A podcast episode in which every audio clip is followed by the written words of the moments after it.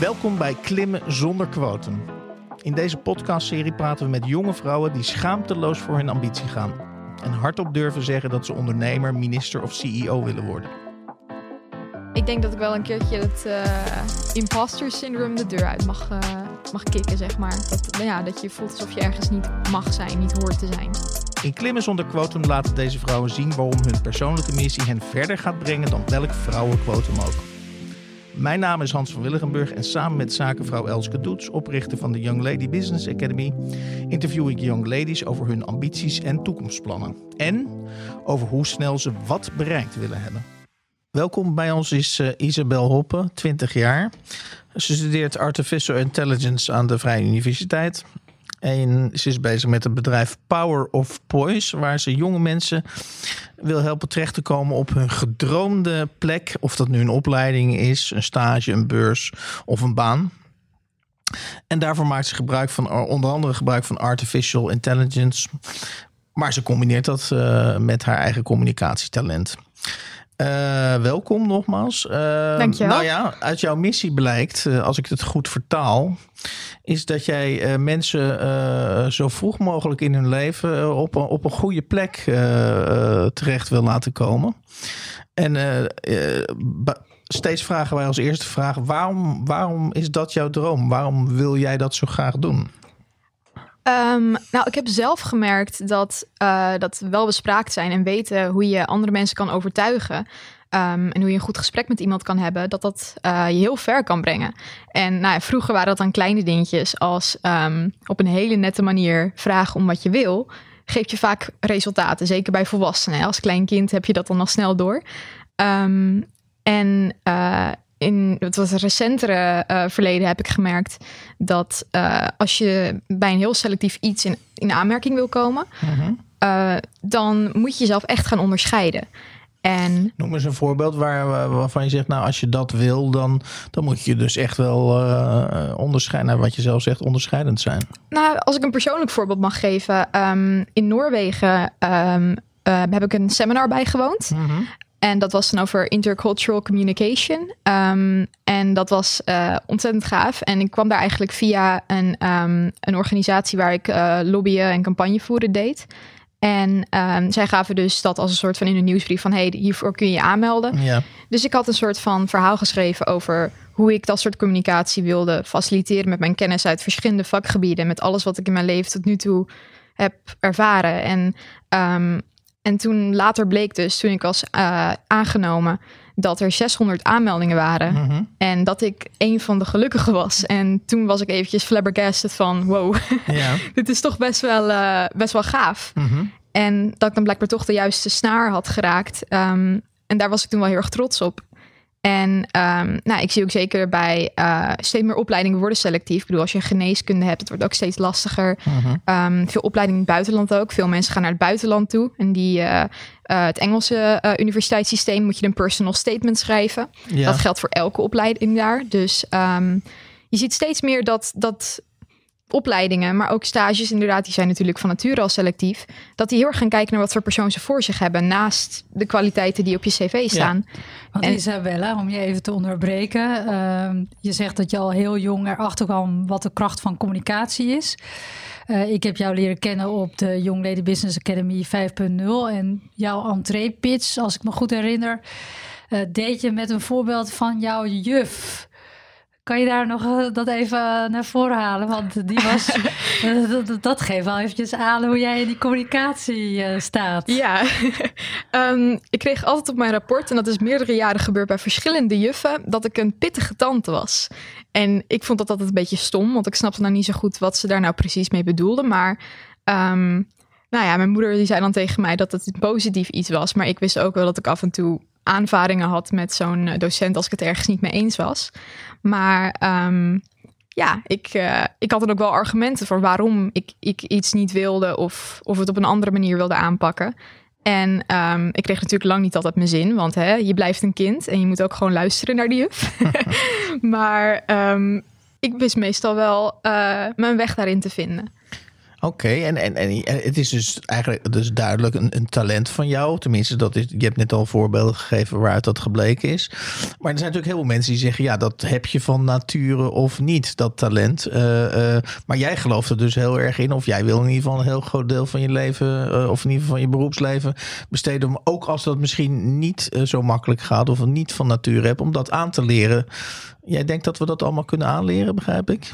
Ja, ik denk alleen dat je daar wel af en toe hulp bij nodig hebt. Want heel veel mensen die, um, die weten dat ze het kunnen, maar die weten soms niet hoe ze dat op anderen moeten overbrengen. Ik bedoel, bij de Young Lady Business Academy al helemaal. Daar, daar ontbreekt niet aan goede ideeën en aan talent. Ik bedoel, allemaal jonge dames met de meest uiteenlopende dromen. Um, maar daarin professioneel overkomen en dan ook daadwerkelijk hè, andere mensen overtuigen dat zij daar ook uh, het belang van moeten zien, is natuurlijk een ander verhaal. Wat voor fouten heb je gezien uh, uh, bij de Young Lady Biz? Dat je zegt, nou hartstikke goed, die intentie is goed, maar ja, dat komt er toch niet helemaal lekker uit. bijvoorbeeld, ik wil minister-president worden. Die heb ik meerdere keren voorbij ja, zien komen. Ja. En dan was het oké, top, gaaf.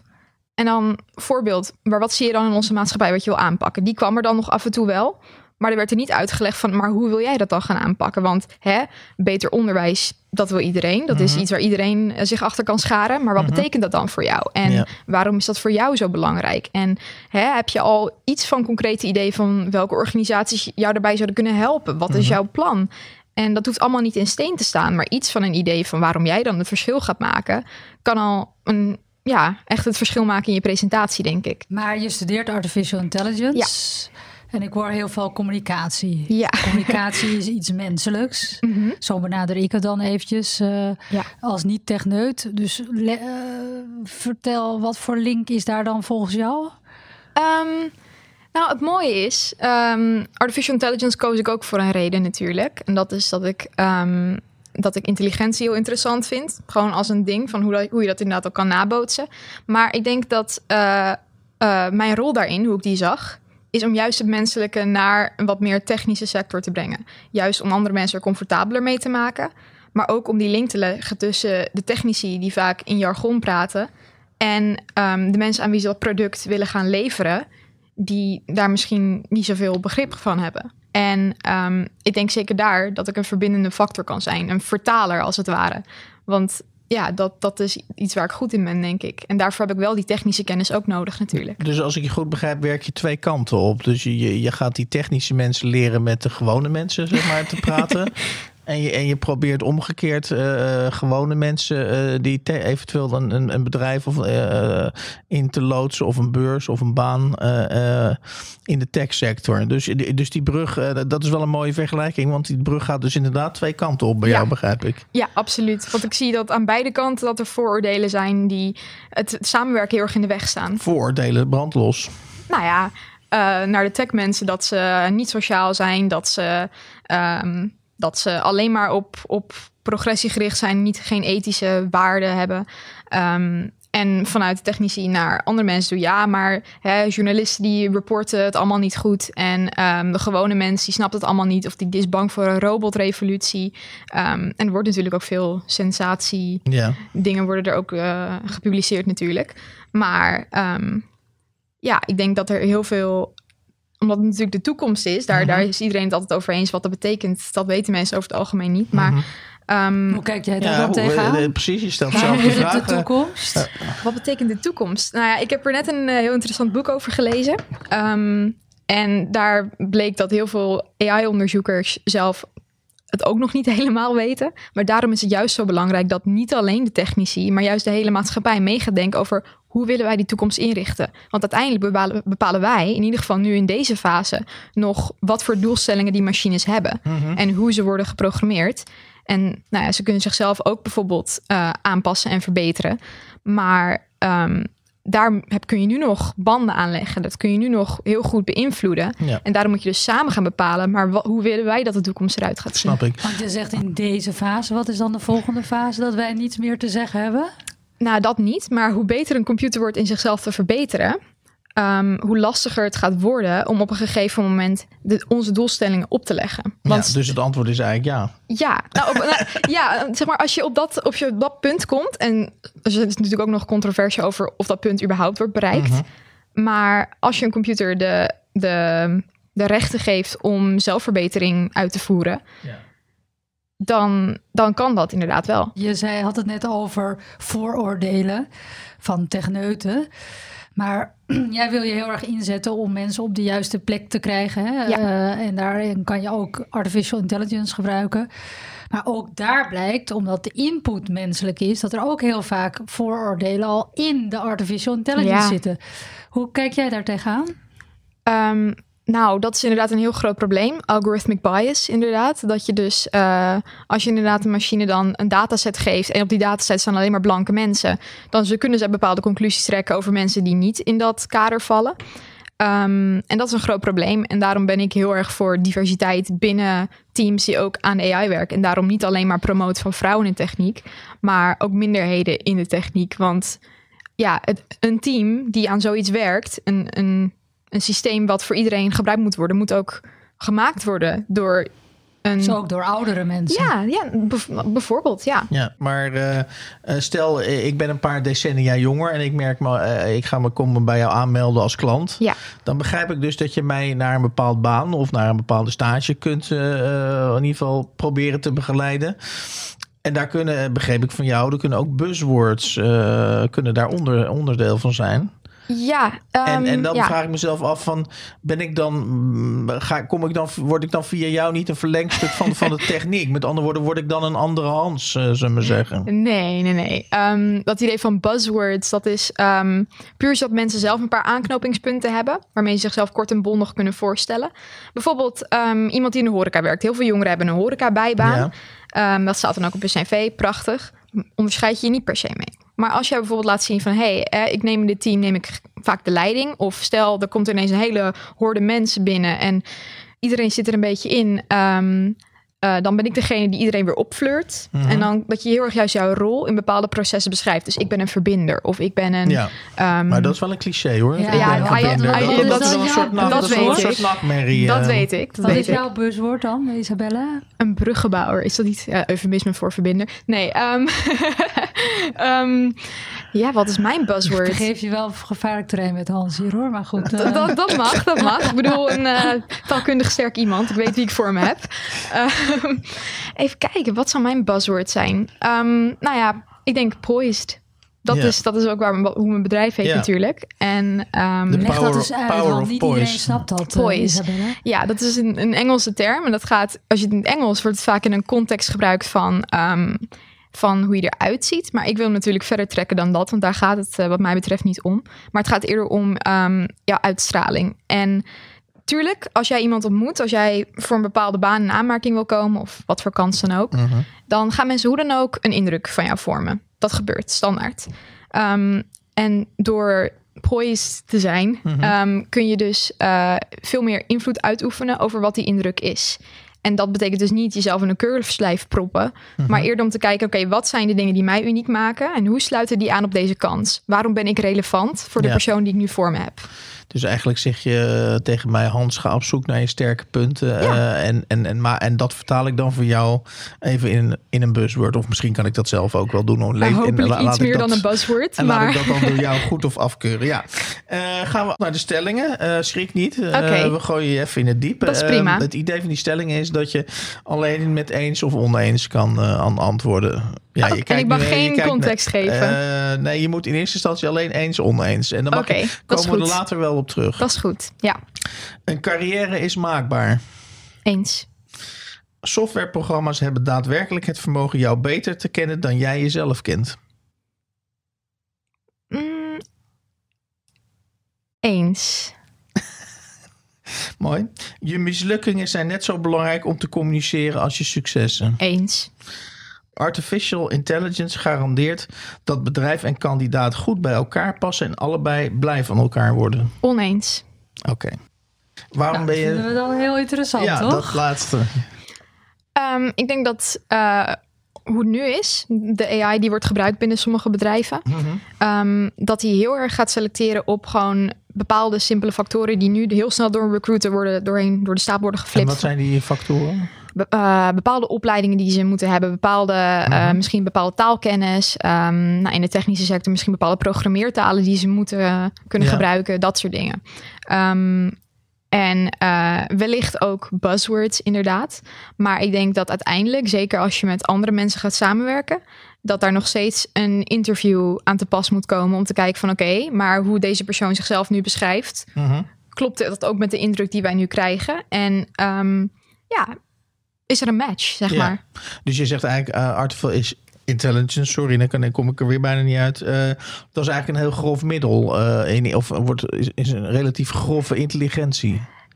Ja, op heel veel gebieden nu wel. Waar het nu voor wordt gebruikt is voor dingen waar mensen niet zo goed in zijn. En dat is gewoon gigantische dataverwerking en dingen uitrekenen. Ja. Dan wat meer menselijke dingen, daar willen ze wel naartoe. Maar dat is een stuk lastiger. Mm -hmm. Want subjectieve dingen als emoties en, en gevoelens, dat, dat is heel lastig te vertalen naar cijfers. Mm -hmm. um, dat, uh, daar, daar zijn we volgens mij gewoon nog niet. Ja, wat je ook gezegd hebt, uh, je mislukkingen zijn net zo belangrijk om te communiceren als je successen. Daar was je Ja. het hardgrondig mee eens. Ja. Dus eigenlijk zeg je tegen alle luisteraars van deze podcast: leuk dat je allemaal dingen hebt gedaan die geslaagd zijn. Maar uh, probeer ook terug te gaan uh, naar alle dingen die mislukt zijn. En communiceer dat net zo hard. Ja, maar het is natuurlijk wel weer. En waarom welk... is dat goed volgens jou? Nou ja, het is natuurlijk ook wel weer welk um, frame je eromheen zet. Want uh, je mislukkingen maken je menselijk. En dat willen mensen ook graag zien natuurlijk. Um, want ja, anders kan je ja, inderdaad... is dat zo? Willen die recruiters ook zien dat je menselijk bent? Ik denk het wel. Want uh, uiteindelijk ga je binnen dat bedrijf, binnen die banen, ga je fouten maken. Mm -hmm. En dan is de vraag natuurlijk hoe je ermee omgaat. Ga je anderen de schuld geven? Of um, ga je het universum de schuld geven? Ja. Of ga je zelf verantwoordelijkheid nemen en kijken van... oké, okay, wat had ik anders kunnen doen? Uh, hoe had ik beter kunnen communiceren met anderen... zodat dat kunnen worden voorkomen? Een beetje dat soort, dat soort dingetjes. Dat je aan iemand al snel kan merken van... oké, okay, hoe gaat deze persoon met Ja. fouten om? Maar wat ik integrerend vind, je zegt van je gaat fouten maken. Ja. Uh, dat, dat kan je zeggen van nou dat is heel realistisch dat je dat zegt of dat is heel nuchter. Tegelijkertijd denk ik hoeveel werkgevers lopen er niet rond die denken van uh, ik hoop dat deze persoon zo goed is dat hij nooit een fout gaat maken.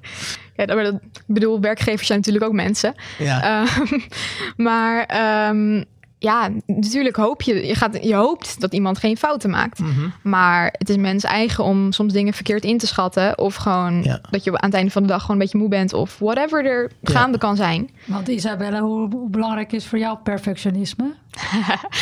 Um, ik ben zeker wel iemand die daarnaar streeft soms. Um, maar ik weet ook wel nu inmiddels dat het niet helemaal eerlijk is naar mezelf.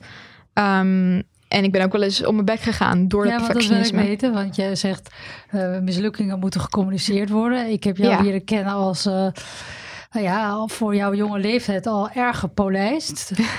uh, dat is een compliment. Oké, Maar ik dankjewel. ben wel altijd op zoek naar die ruwe rand. En je rakelt hem zelf op, Ja. dus uh, roep maar eventjes. Ja, nou ja, um, ik was eerst een andere studie begonnen dan Artificial Intelligence. Um, het was dan in Rotterdam en dat was dus intern. Dus ik woonde daar ook met alle andere eerstejaars.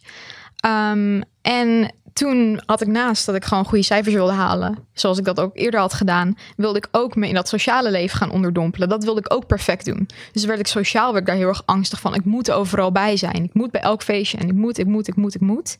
Um, en sporten en dit en dat en goede cijfers en voor mezelf koken. En nou ja, alles kwam op één hoop terecht. En omdat ik alles perfect wilde doen, ging ik er helemaal onderdoor. Ik werd moe. Um, ik had helemaal nergens zin meer in. Het ging niet lekker. En um, ja, en uiteindelijk wist ik dan nog wel soort van half die resultaten te behalen, maar ik was niet gelukkig. Dus op papier deed ik het dan misschien wel goed, maar ja, dat, dat was ook niet een uh, goede En manier is van leven. voor jou een mislukking? Um, eerst zo zag ik dat eerst wel. Um, als een mislukking, ja. Want ik dacht van, hè, je, ging, je wilde dit doen, je wilde hiervoor gaan en nu stop je ermee.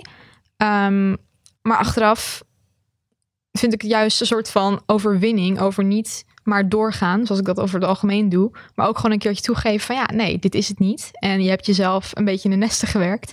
En dat is ook oké. Okay. Uh, je had hem verkeerd ingeschat. En dit is niet de juiste omgeving voor jou. En hoe uh, heb je nou geleerd voor jezelf om minder te moeten? Um, hoe heb ik, ja, um, nou, ik heb toen in dat tussenjaar heb ik dus gewoon gewerkt. En toen merkte ik dus op de werkvloer dat ik heel erg blij werd ook van met mensen praten en gewoon één op één. En dat groepsettings misschien niet per se, dat wordt dat heel erg op, opgehemeld in het studentenleven natuurlijk. Um, maar dat het niet altijd even geschikt is voor mij. Want ik vind dat ook leuk. Maar dat hoeft niet elke avond. En ook gewoon om een avond rust te nemen. En dan ook echt rust te nemen. En, ehm, en niet dan nog allemaal dingen ernaast te gaan doen. Maar gewoon boek pakken, lezen. En gewoon chillen, zeg maar. Ehm, en dat, ja, het klinkt misschien nu een beetje neurotisch. Maar dat ook in te plannen. Want anders kom je er soms gewoon niet aan toe. Nog even de laatste stelling, dan gaan we door. Eh, je was heel resoluut bij de eerste stelling. Een carrière is maakbaar. Daar hoeft hij niet heel lang over na te denken, want daar was je het mee eens. Ja. Klinkt bijna als de boektitel, hè? een carrière is maakbaar. Waarom ben je daar zo eh, van overtuigd uh, dat dat maakbaar is? Um, nou, omdat ik denk dat het A, mindset is. Um, en B, ook om goed in te schatten van waar pas jij. Natuurlijk kun je jezelf um, uh, naar een bepaald doel toe werken. Dat is heel goed. Um, maar ik denk dat je nog verder komt als je ergens terechtkomt waar je ook echt past. Ja. En, Even um, terug naar je mindset, sorry dat je onderbreek. uh, van de mindset zeg je dus, dat kan je zelf beïnvloeden. En als je met de Mhm. juiste mindset, kan je je naar de juiste plek begeven voor jou. Ja, ja. Dat is uh, pure saaie neuropsychologie. Pure saaie neuropsychologie, maar, mooi. Uh, nu ben ik iemand uit een achterstandswijk uh, ergens uh, in Lutje Winkel. Ja. en ik heb dus niet de juiste beginpositie. Ja. Dat is, uh, dan start je inderdaad met een aantal streepjes achter. En dat is. Uh, dan dat is die carrière echt minder maakbaar volgens mij. Ik denk dat die, um, dat die een stuk moeilijker maakbaar is. Ik bedoel, um, ik denk dat het een stuk lastiger is om inderdaad de bouwstenen te vinden om die carrière te maken. Maar als jij op zoek gaat naar die bouwstenen en als je ook probeert om mensen te zoeken die, erbij, die jou daarbij kunnen helpen, een mentor op school, uh, iemand die, die zich over jou ontfermt, um, dat je dan zeker alsnog stapje voor stapje daar kan komen. Duurt misschien wat langer, gaat misschien wat minder vanzelf dan iemand die uh, wiens vader al bij een of andere advocatenkantoor werkt en daar zo binnenkomt. Dat is natuurlijk, ja, dat, dat, daar zit een groot verschil in. Dat is waar. Of hebben die mensen juist een algoritme nodig wat ze daarbij helpt? um, ik weet niet in hoeverre een algoritme dat op het moment kan, maar wie weet in de toekomst. Oké, nou dan gaan we dus naar jouw droom. Want dat is om zoveel mogelijk, tenminste, uh, dat, dat moet jij maar zeggen hoor. Maar ik denk dat uh, als, uh, om, in ieder geval mensen naar, naar een goede plek te helpen. Um, en mijn vraag is eigenlijk, hoe, hoe, ver ben je daarmee? Want je hebt je eigen bedrijf, heb je dus net op. Dat heet The Power of Poise. Daar heb je net al ja. naar verwezen. In welke fase zit dat, zit dat bedrijf? Dat, uh, dat wij een idee hebben uh, wat jou, hoe dat er nu uit, aan toe gaat? Ja, de, de, de website is uh, zo goed als af. En ik ben van plannen om hem over twee weken, dus als het academisch jaar weer begint, om mm -hmm. hem dan live te zetten. Uh, dus vanaf dan uh, ben ik actief. Ja, en nou, nou, weet je natuurlijk dat er bij de Young Lady Business Academy... er zitten mensen die willen CEO worden... willen mensen zelfs president worden. Ja. Denk je dan niet uh, bij, bij dit van, van, van jouw droom van... het is wel een super realistische droom. Ik doe het eigenlijk al, al min of meer. Ja, nou ja, um, ik, ik heb ook wel eens geroepen dat minister-president wilde worden in een ver politiek verleden. Oh. maar dat was, uh, dat was meer omdat iedereen dat daar riep. Dus ja, dan ga je meeroepen op je zestiende. Okay. Nee, um, nee um, ik denk dat, uh, dat uh, iemand die altijd plan maakt voor dingen, dat, Mhm. mm -hmm. zo, zo zit ik best wel in elkaar. Dan is het juist fijn om ook wat realistischere doelen die wat dichter bij huis zijn te hebben. Ja. En vanaf daar te kijken waar het schip strandt. Oké, okay, want wat, heb jij in je achterhoofd uh, de droom om uh, zeg maar uh, heel afgestudeerd Nederland, zeg maar. nou ja, dat, dat kan een mooie droom zijn om te zeggen van ik wil eigenlijk al die schoolverlaters, die wil ik dus op een goed plekje krijgen met mijn combinatie van artificial intelligence en mijn eigen communicatietalent. ik kan me ook voorstellen dat allerlei bedrijven het Silicon Valley jou willen hebben. Dan ga je gewoon je eigen bedrijf starten. Ja, nou ja, ik, ik denk dat de Silicon Valley cultuur dat dat niet helemaal bij mij aansluit. Um, Wat, waarom niet? Dat is heel um, competitief. Ben ik ook. Maar zou je eigenlijk denken dat past heel goed. Ja. Maar ik denk dat daar dus een beetje te veel die workaholic naar boven komt die er wel in zit. En dan is het weer uh, Rotterdam all over again. Um, dus ik denk dat ik juist wat meer op die mensgerichte kant voor mezelf moet focussen. Omdat ik daar gelukkiger en vrediger van word. Ja, interessant, ja. um, en uh, waar jij het over had, uh, Hans, Mhm. mm -hmm. dat... Um, of, of ik het niet als een groter iets wil, wil Ja. zien.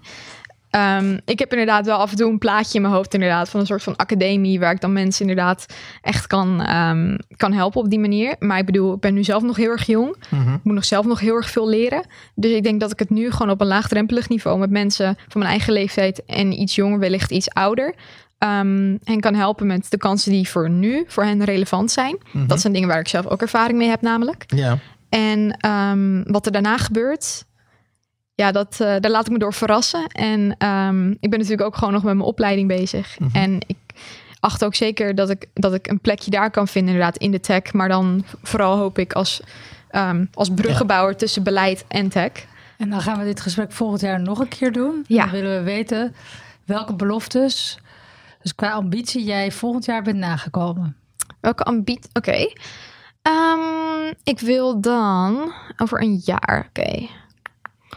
Dan wil ik. ehm, Welk, wat, wat wil je opgelost hebben dan? En, en, of welke stap wil je dan in ieder geval gezet hebben? Ik wil dan 50 mensen geholpen hebben aan, eh, aan de kans die zij begeren. Ja, ja mooi.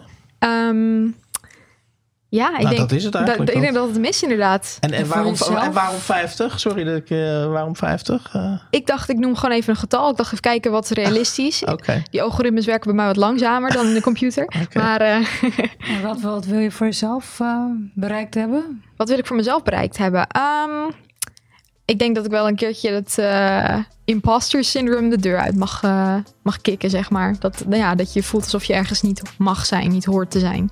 Ja, Oké, nou, ik wens je in ieder geval alvast heel veel succes bij het begeleiden van eh, de afgestudeerden naar, naar hun juiste plek. Dankjewel. Eh, En je mag er vandaag zijn. daar ben ik heel blij mee. Dat voel ik ook zeker zo. Oké, dankjewel. Dankjewel. Dankjewel voor het luisteren naar Klimmen zonder quotum. Je kan deze en alle andere afleveringen terugvinden in je favoriete podcast-app.